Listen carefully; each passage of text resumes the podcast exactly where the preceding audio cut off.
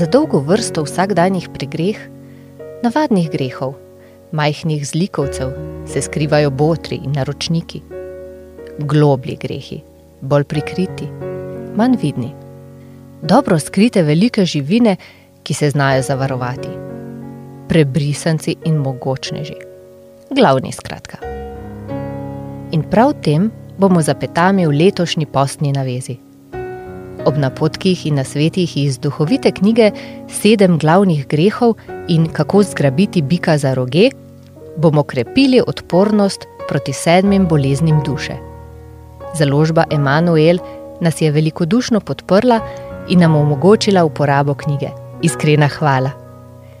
Prijave v navezu so odprte na pastir.si. Gradivo za osebno delo bo trikrat tedensko prihajalo v vaše e-poštne nabiralnike, delček tudi v tedenskem podkastu. Pa z veseljem na pot.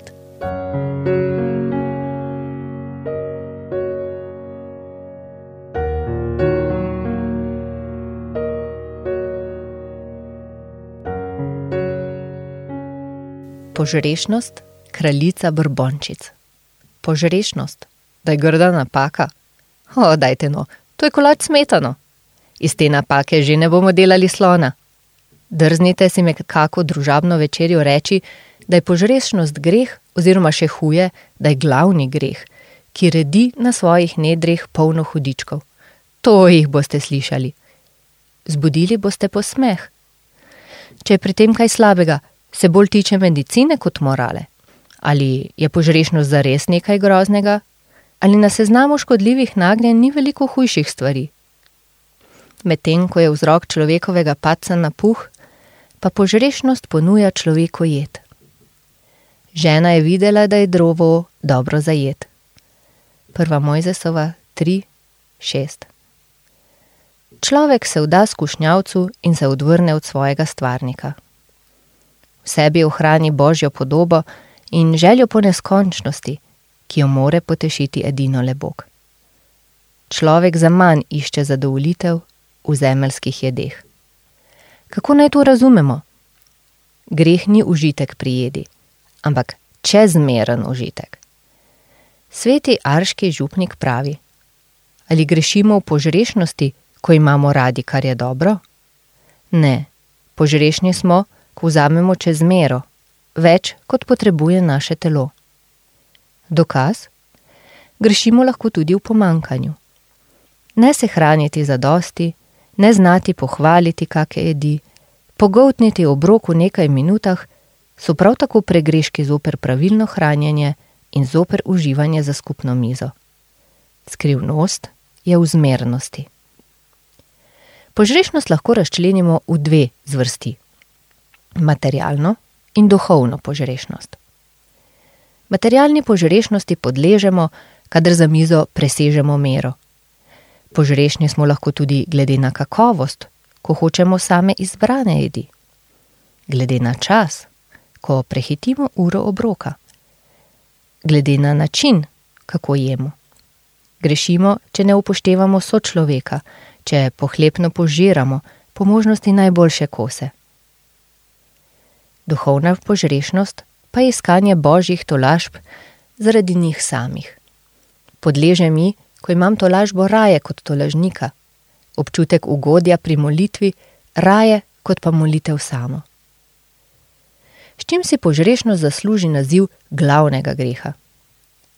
Naj tisti, ki nikoli ni grešil v požrešnosti, prvi vrže kamen. Poleg dejstva, da gnezdi vseh nas, pa je požrešnost tudi magnet za številne grehe. Nekaj njenih posledic. Požrešnost nas obteži, dobesedno in preneseno. Otopi nam razum, oslabi našo zmožnost, da bi dojeli duhovne resnice. Poleg tega požrešnost odzame svobodo. Ko se popovdne vrnete domov in začnete grizljati piškote, medtem ko zunaj nikoli ne malicate, se vprašajte, kdo je gospodarica pri meni doma? Moja požrešnost ali moja svoboda? Nadalje. Hranjenje se lahko nadaljuje z nečistovanjem. Postopek se začne za mizo in konča v posteli. Pomankljivo obladovanje užitkov ob jedači in pijači pripelje do neobladovanja spolnosti. Požrešnost je mati nečistosti. In na zadnje, požrešnost ima za posledico nekatera zunanja ravnanja. Težnjo po govoričenju, skipljivost ter telesno zanemarjenost, ki krni dostojanstvo.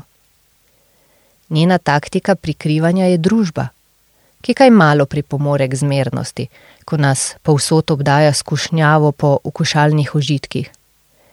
Mnogi prikriti razlogi za vzburjenost naših brbončic pa so psihološki. Užitek ob hrani je lahko mehanizem kompenzacije in utehe.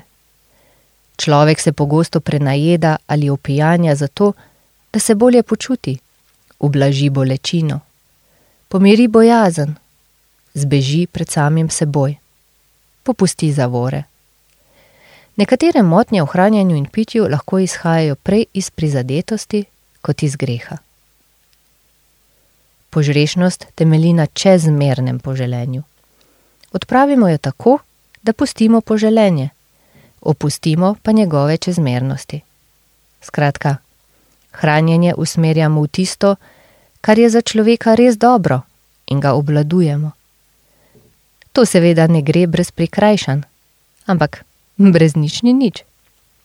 Domači hladilnik bi zato veljalo oblepiti z naslednjimi idejami. Premisli o svojih motivacijah, prisluhni vsemu svojemu telesu in ne edino le svojemu ugodju. Vzemi si čas in se vprašaj, zakaj jem?